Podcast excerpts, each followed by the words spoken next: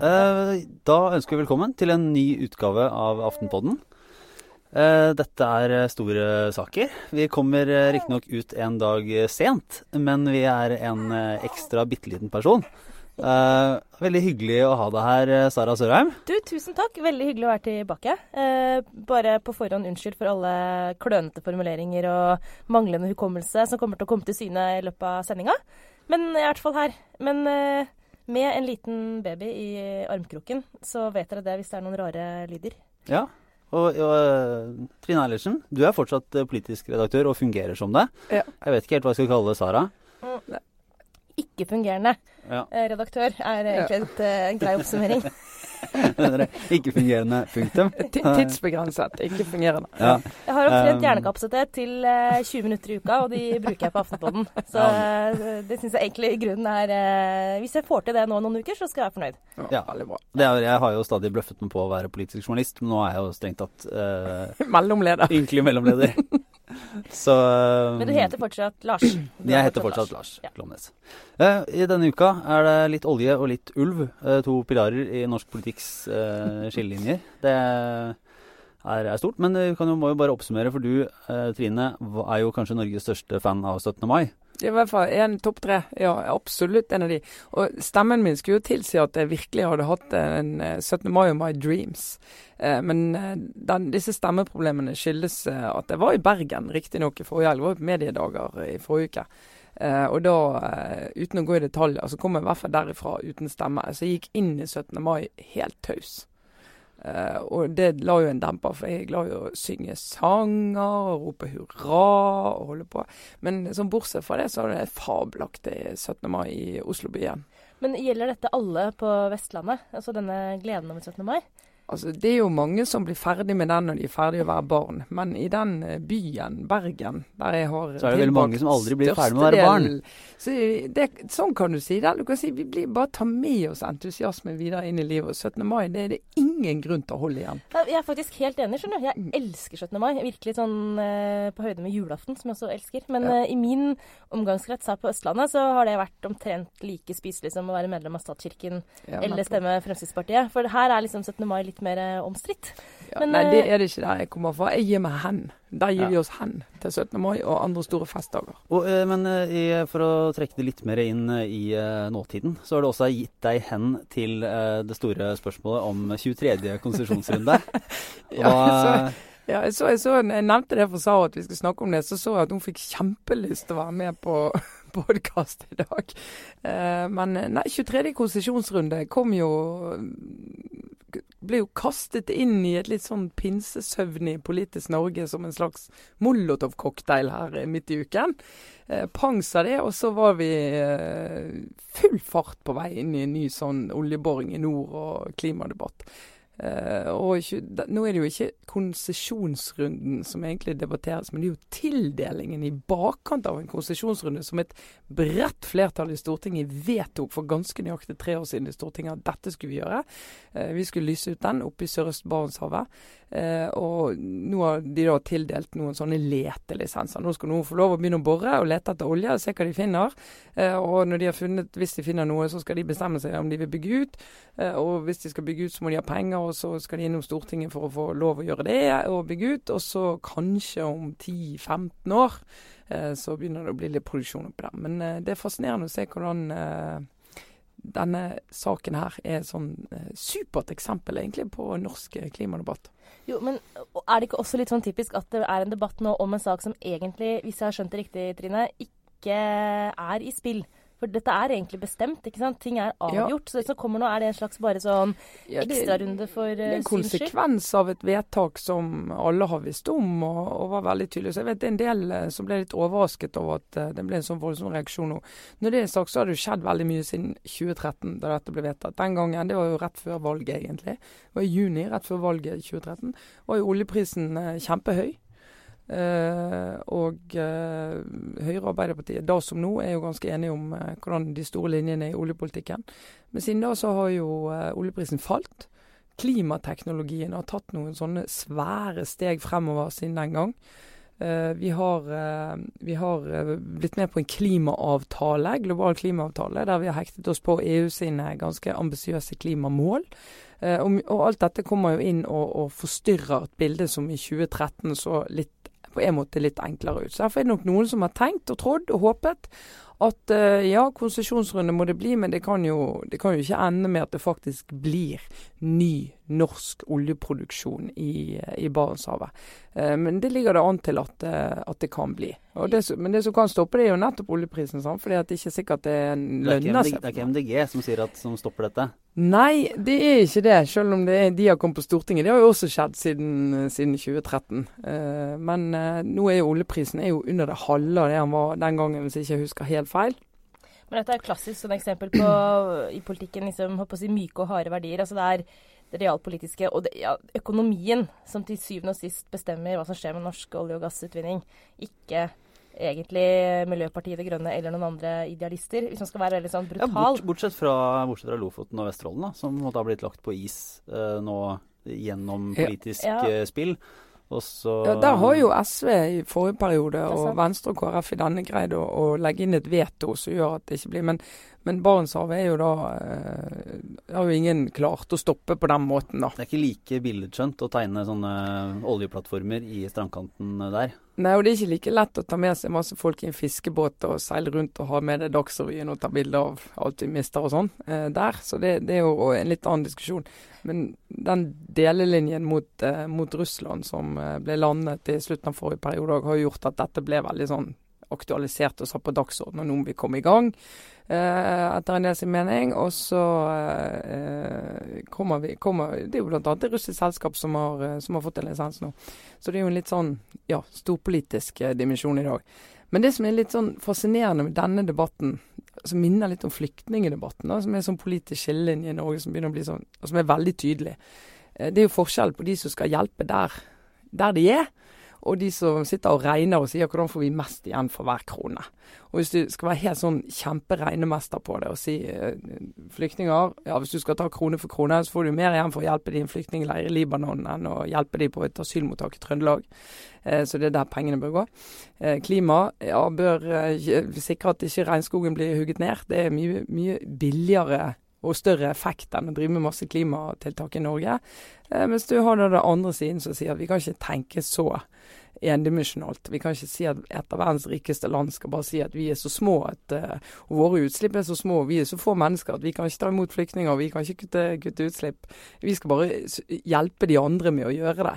Uh, for da har vi ikke troverdighet rundt forhandlingsbordet, vi har ikke troverdighet når vi skal få andre til å bidra. og liksom Men i, spenn, i den spenningen da ligger egentlig to av de største politiske debattene i Norge, og, og internasjonalt, egentlig. Eh, fordi at eh, Men da er det jo paradoksalt også at den debatten skjer jo da mellom den store det store sentrum, altså de store maktpartiene da, i, Norge, så Arbeiderpartiet og Høyre, mm -hmm. uh, som, som, stort sett er enige. Og så er det deres uh, kamp eller debatt opp mot støttepartiene som egentlig gjør at disse tingene stort sett stoppes bare ved et sånn politisk spill eller vel sånn, noen som på et tidspunkt klarer å utnytte posisjonen til å få, få bytta litt på det, eller, eller ja, blokkert litt. Det er jo det, og det er jo det, er jo det som gjør at det er litt sånn vanskelige saker for Arbeiderpartiet og Høyre, for de klarer ikke å, å argumentere for at det er forskjeller mellom de i disse det sakene. Det. sant? Det er jo ikke det. Nei. Eh, så de ligger jo tett inntil hverandre. Så det handler liksom om hvem som kommuniserer best med støttepartiene når det gjelder.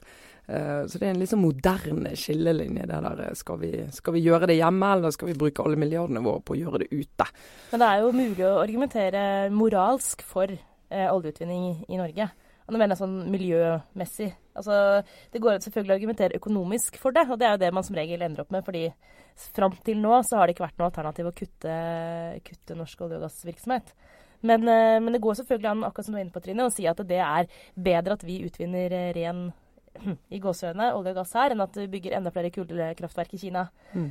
Uh, og en, et annet uh, Men et paradoks med det er at den argumentasjonen den hører man egentlig veldig sjelden. Uh, og da er jo spørsmålet om alle disse menneskene som gikk fra regjeringsapparatet over til olje- og gassindustrien, altså alle rådgiverne til Jens. Mm. Noen gikk til PR-bransjen, én gikk til reklamebransjen. Men veldig mange som tidligere var en del av det rød-grønne regjeringsapparatet for Arbeiderpartiet, er jo i dag i olje- og gassindustrien på en eller annen mm. måte. Mm. Nesten litt rart at ikke de bruker litt mer tid på eh, å spinne dette her Mm. eh, i offentligheten. Og få frem liksom akkurat det eh, budskapet som er da på en måte litt sånn Sylvi Listhaug eh, på innvandringsfeltet. Eh, det, er jo, det er jo helt klart en parallell mellom altså den måten å argumentere på. Men kanskje de ikke har hatt behov for det. det Nei, altså, de, har jo, de har jo stort sett den norske befolkningen med seg, da. Det viser jo alle Ja, de har Det er jo partiene som har mest støtte, og det er jo øh, Ja, altså, også, ja, hva, hva var det så i i veldig stor grad. Altså, tror- altså Den endringen, hvis vi skal slutte å lete etter olje og egentlig bygge ned eh, norsk olje- og gassnæring, også, men det er det, det er ikke flertall for det. Og Den viktigste grunnen til det er jo at folk ser ikke hva skal komme istedenfor. Altså, du, kan liksom, du kan ikke bare si grønn omstilling, og så spretter bedriftene opp.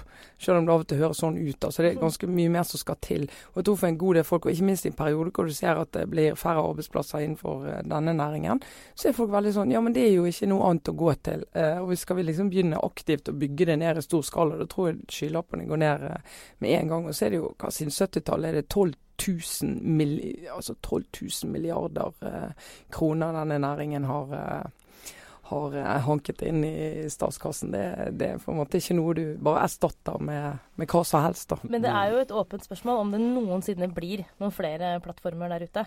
Det- eh, ikke på grunn av, som vi var inne på, ikke pga. MDG altså, men pga. konjunkturene og Ja, pga. oljeprisen, og ikke minst det som skjer innenfor klimateknologi og solenergi, og altså alt det som skjer på energiområdet. Så det er ikke sikkert det blir noe utbygging. Så Vi snakker jo nå som om de skal begynne å bore i morgen og kjøre eh, si, frakteskip med, med olje og gass derfra i, og gjennom rør i stor stil. Men det er jo såpass langt frem. Og når du ser hvor mye som har skjedd siden den stortingsmeldingen ble vedtatt i 2013 frem til i dag, og så tenker tre år frem og tre år videre etter det, eh, så kan bildet være så forandret at eh, vi kommer til å se på denne debatten som en sånn artig, artig punktum eller komma, eller, men ikke, ikke noe større enn det.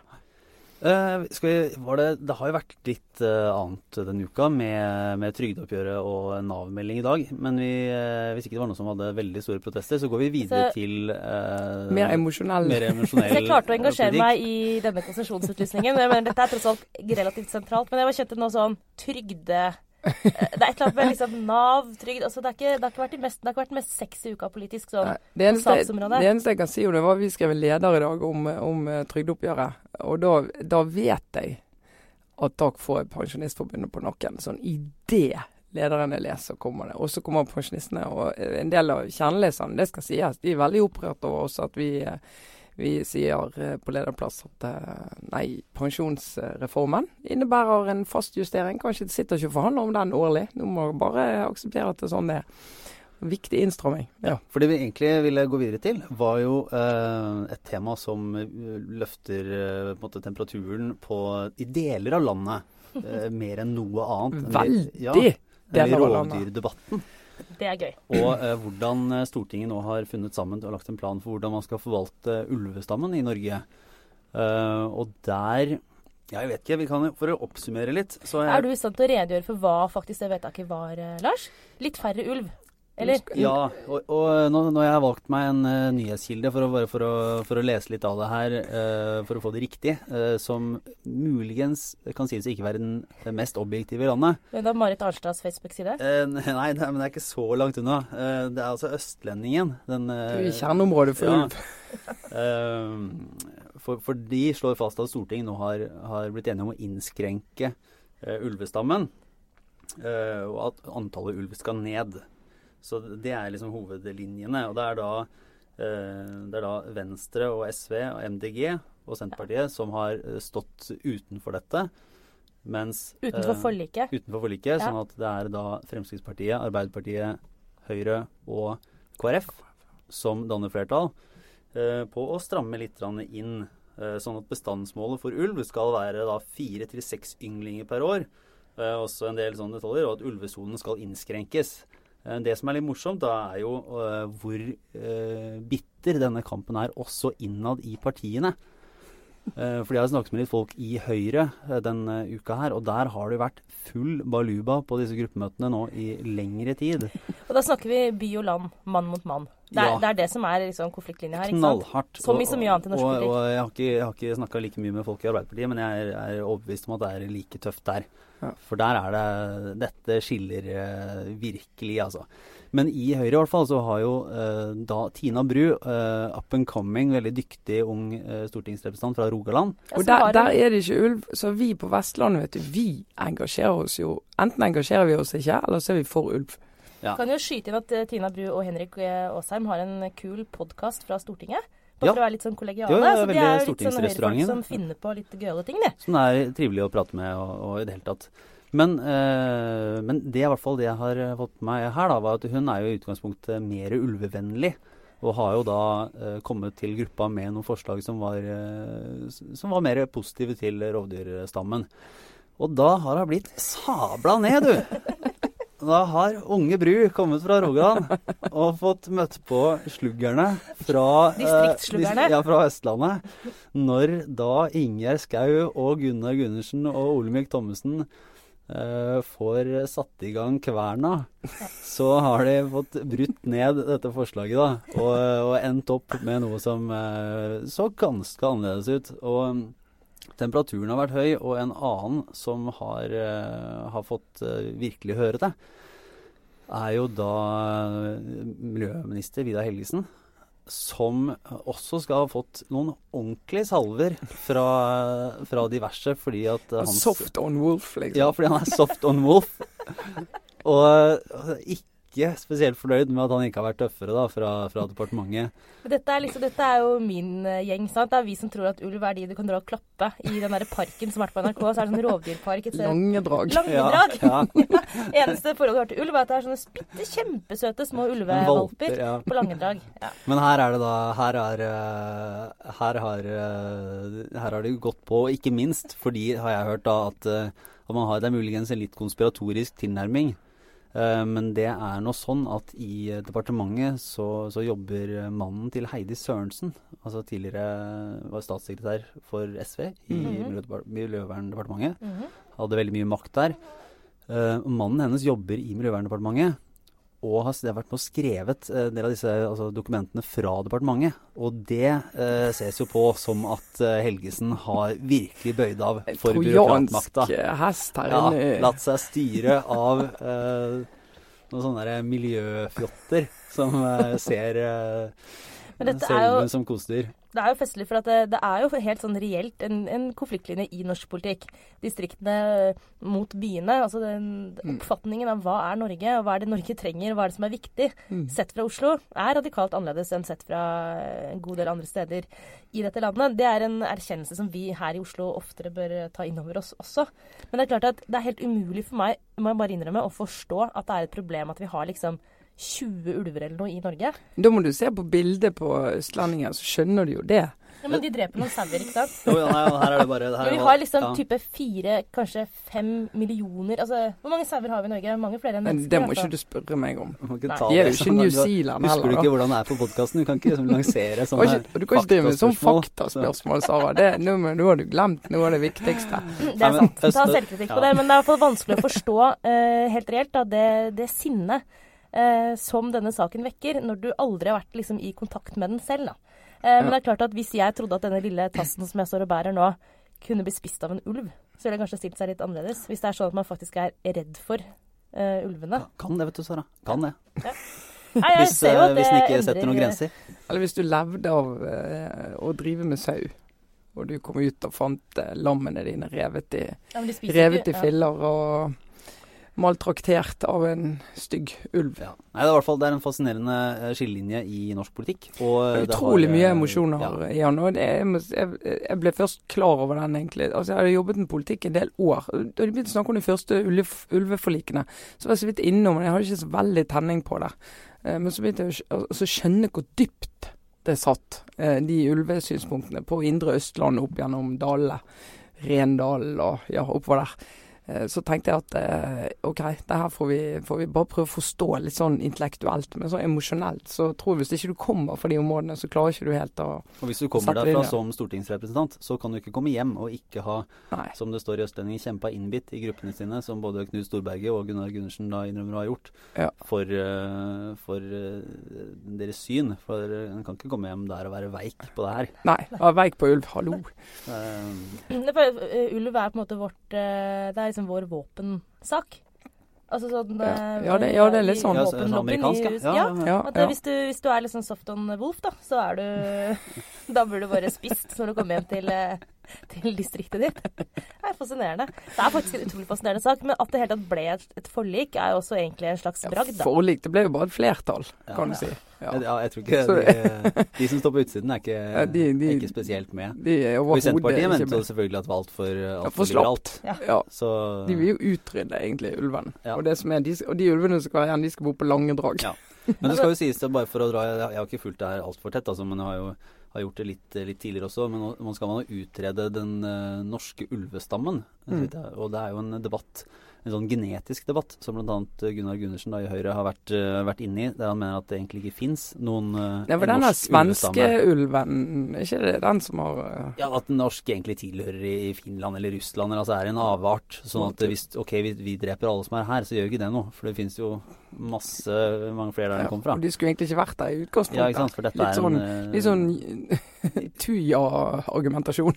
Ja. Det- Jeg spår at ulvedebatten og uh, utvinning av olje og gass eh, oppe i nord der kommer til å, altså Hvem av de kommer til å være med oss lengst? Jeg tipper ulven. Jeg tipper Eh, ulven. Ja, faktisk. Men uh, vi får jo holde oss til en viss effektivitet der, som vi, vi pleier. Uh, og har eh, vår lille spalte obligatorisk refleksjon. Ja. Du kan jo begynne, Sara, siden du har eh, Ja, eh, Heldigvis vet jeg at det temaet jeg er mest opptatt av, det tror jeg Trine kommer til å komme inn på etterpå. Eh, så jeg har prøvd faktisk å tenke på det temaet jeg er nest mest opptatt av. Eh, og det jeg da får sjansen til å snakke om nå, det er nesten hele grunnen til å være med tilbake til podkasten, det er jo at jeg kan fortelle dere om limericken til Boris Johnson. Eh, som gjør at du bare nok en gang må bøye deg i støvet for britiske politikere. Boris Johnson er jo som kjent en Unnskyld at jeg sier dette høyt, men det er jo et stygt ord. Eh, nå er det barn her, men han er jo en, en kødd. Altså, han er rett og slett en Akkurat det ordet jeg gjennomført tenkte på. Altså, han er en politiker som det ikke går an å forsvare overhodet. Eh, verken moralsk eller, eller liksom politisk. Altså, det går ikke an å stå her og si at han ja, håper han tar over hele Håper han blir statsminister. Det kan han jo bli. Altså, han, er, han er bare en mann uten prinsipper. Han er en, eh, en forferdelig politiker. Men han er så kul og morsom og sjarmerende at man likevel er nødt til å elske han litt. Eh, og denne uken kom et nytt eksempel på det. Eh, Spectator, det konservative tidsskriftet som han var redaktør for en periode, eh, utlyste en limerick-konkurranse. Eh, min gamle lokalavis Romerikes Blad hadde også limerick-konkurranse hvert år. Eh, så dette er noe jeg er veldig eh, kjent med. Men antar dere alle kjenner liksom konseptet limerick. ja, Et nidikt, niddikt, ja. De hadde konkurranse om å lage den morsomste limericken om Tyrkias eh, president, eh, eller er det statsminister, unnskyld meg, President Erdogan. Erdogan, President, ja. Eh, som jo ikke er så glad i satire, som kjent. Eh, og det gøyale er at eh, de fikk inn mange, mange mange limericker. Vinneren, det aller beste diktet, var skrevet av selvsagt Boris Johnson. Han vant hele konkurransen med en limerick som eh, Jeg klarer ikke å lese den høyt, for jeg har ikke bra nok eh, engelsk uttale. Men jeg kan jo bare si at han klarer å rime Ankara med Vancouver. Altså, jeg trenger ikke å oversette det. Bare anbefale folk å gå inn på enten Spectator eller Guardian og lese den limericken, og elske Boris Johnson litt. Eh, men bare veldig kort, for han må jo ikke, han må ikke vinne Han må for all del ikke få noe makt. Men eh, Men eh, det er en herlig måte å angripe den selvhøytidelige Erdogan på, som er, er eh, gjort med britisk eleganse, som jo er eh, alltid gøy. Ja, ja jeg, har, jeg har jeg vet at Sara og alle kjenner, kjenner på dette engasjementet eh, som handler om skam. Endelig. Tenk at vi har holdt det, oss altså. i Og det er, minutter. vi har eh, hatt podkast eh, jevnlig siden Skam begynte, og vi har aldri snakket om det. Eh, jeg ble hekta da jeg så plutselig kom til å se hele sesongen i, i julen. Og så var jeg litt sånn og tenkte mm, er det greit å se på? Men nå skal jeg ikke bli nok en sånn gammel dame som snakker om hvor kult det er å se Skam, og hvordan det egentlig speiler de evige ting, som det jo gjør. Eh, men jeg må snakke om eh, Nora i Skam. Og nå eh, skal jeg prøve å ikke være en sånn spoiler for de som skal se episoden i kveld. For vi som er mest hekta, vi ser jo dette på mobil løpende når det kommer ut, og sjekker refresher p3.no slash skam mange, mange mange ganger om dagen. Så Altså, vi er jo si helt à jour. Han her stakkars lille spedbarnet som jeg har ansvar for nå, kan glemme liksom øyekontakt under amming. ja, Så lenge det legges ut nye snutter fra Skam. Ja. Ja. Så jeg skal prøve å ikke avsløre akkurat hva som skjer. Men jeg bare si Nora hun, de er jo inne i, i en eh, sesong der Nora er eh, hovedperson. Et veldig sånn kul jente. Så jeg tror alle som har døtre, og vi som har vært eh, 16 år, tenker at å, jeg skulle ønske jeg var sånn og var like sterk som Nora. Og, og klarte å si, ha så kule one-linere som Nora når, når det står på. Og så har det skjedd ting med Nora som gjør at eh, livet ikke er så lett for Nora. Ehm, og så eh, skjer, det mye i dette ungdomsuniverset. Men akkurat denne saken om denne festvoldtekten, det kan vel si uten å avsløre for mye, eh, som hun nok har vært eh, utsatt for. Og måten eh, hun reagerer på det, måten hun forteller om det til vennene sine, og måten hun responderer på det eh, overfor eh, han som da har eh, gjort det. Det er, tror jeg Vi hadde en kronikk i Aftenposten denne uken fra en jente som skrev at hun hadde vært utsatt for noe som lignet, og hun bare sa Nora og skam. Her fikk dere vist frem noe som, eh, som gjør at det er faktisk lettere for meg å gå videre eh, etter det. Og det er fordi de viser alle de der reaksjonene etter en sånn hendelse. De viser eh, all tvil du har på deg sjøl rundt det som skjedde. De viser egentlig veldig godt hvorfor så mange ikke anmelder den type ting, og føler at de klarer ikke bevise det, det er ikke viktig nok. Eh, og de viser liksom hvordan de kan finne denne kraften i denne jentegjengen og, og ta tak i det. Og hun har en utrolig kul respons på det som er på slutten av uken, som uh, gjør at jeg er veldig sånn oppløftet. Rett og slett utrolig godt humør pga. Nora sin reaksjon på denne her eh, eller respons egentlig på denne her eh, festvoldtekten som har skjedd i en setting som jeg tror er slett ikke uvanlig eh, blant norske eh, tenåringer, og et tema som er utrolig vanskelig å få sånn hull på. Og her har den skamgjengen greid å gjøre noe veldig, veldig skikkelig.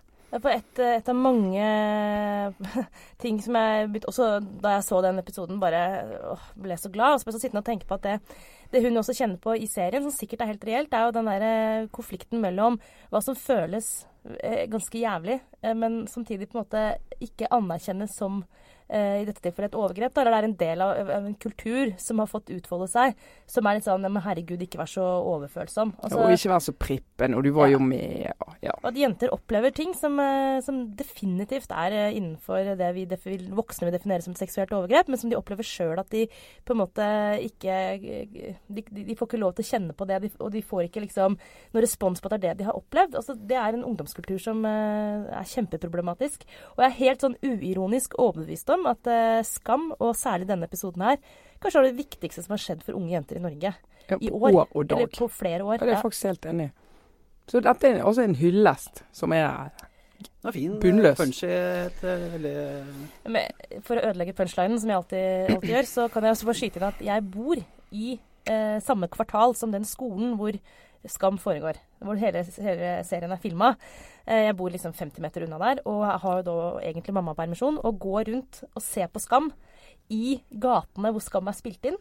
Og har mista litt sånn følelsen av skillet mellom virkelighet og fiksjon. Så jeg tror jeg ser Nora og William overalt og lever meg liksom helt inn i det. Og bare er slett Jeg jeg er blitt helt sånn gal. Så jeg trenger hjelp til å bare snappe ut av skamuniverset. Nei da, trenger ikke hjelp til det. Bare bli der. Ja. Åh, jeg hadde egentlig en sånn lang rant om, eh, om hvordan eh, regjeringen og eh, partiene nå driver og lekker eh, alle mulige slags meldinger eh, på, i forkant av, eh, av store måte, rapporter skal legges fram for offentligheten. Og dermed gir et sånn altfor uh, fragmentert bilde av det som faktisk kommer, sånn at ingen sitter og får oversikt. Skal du snakke om Skam oversikt. nå, Lars? Men, uh, da eh, hører vi ikke etter. men, Nei eh, men jeg tror det får egentlig bli til en annen gang. Så jeg vil egentlig bare avslutte med en anbefaling på det sterkeste av A-magasinets veldig eh, rystende sak om spåkoner eh, i dag. Som er hvordan folk eh, tilsynelatende har blitt lurt nærmest fra gård og grunn av det jeg vil kalle sjarlataner. som får dem Altså utnytter deres eh, liksom, godvilje eh, på det aller, aller groveste. Eh, og det får noen helt eh, vanvittige konsekvenser. Så det er en fryktelig sterk reportasje om et veldig merkelig fenomen. ja, det er litt sånn som de som svarer på sånn Nigeria-e-post. Hvem er de? Men det skal ikke vi gå inn i Ja, nå. og så fikk du i og for seg en, Det er jo alltid en påminnelse til den uh, Zaira Khan-saken. Ja, som uh. Der en stortingsrepresentant Saira Khan eh, endte opp med å bruke mange tusen kroner på uh, altså telefonregninger. Vi må aldri som glemme den saken. Som viste seg å være, være altså, telefoner til sånne spåtjenester. Det skjer mye rart i norsk politikk, men jeg tror nesten at det aldri har skjedd noe rarere enn den saken der. Den, eh, hver gang vi syns ting blir helt sånn bisarro, så må vi bare huske på at det skjedde Ja, i tenk tilbake. Gå tilbake og bare google litt, og, og les eh, gangen i denne historia en gang til. Så får du, en, eh, får du en strålende helg med mye å prate om. Men jeg tror vi gir oss mens leken er mer eller mindre god. Eh, takk for i dag, Sara Sørheim, Trine Eilertsen, jeg Lars Glomnes. Ha det bra.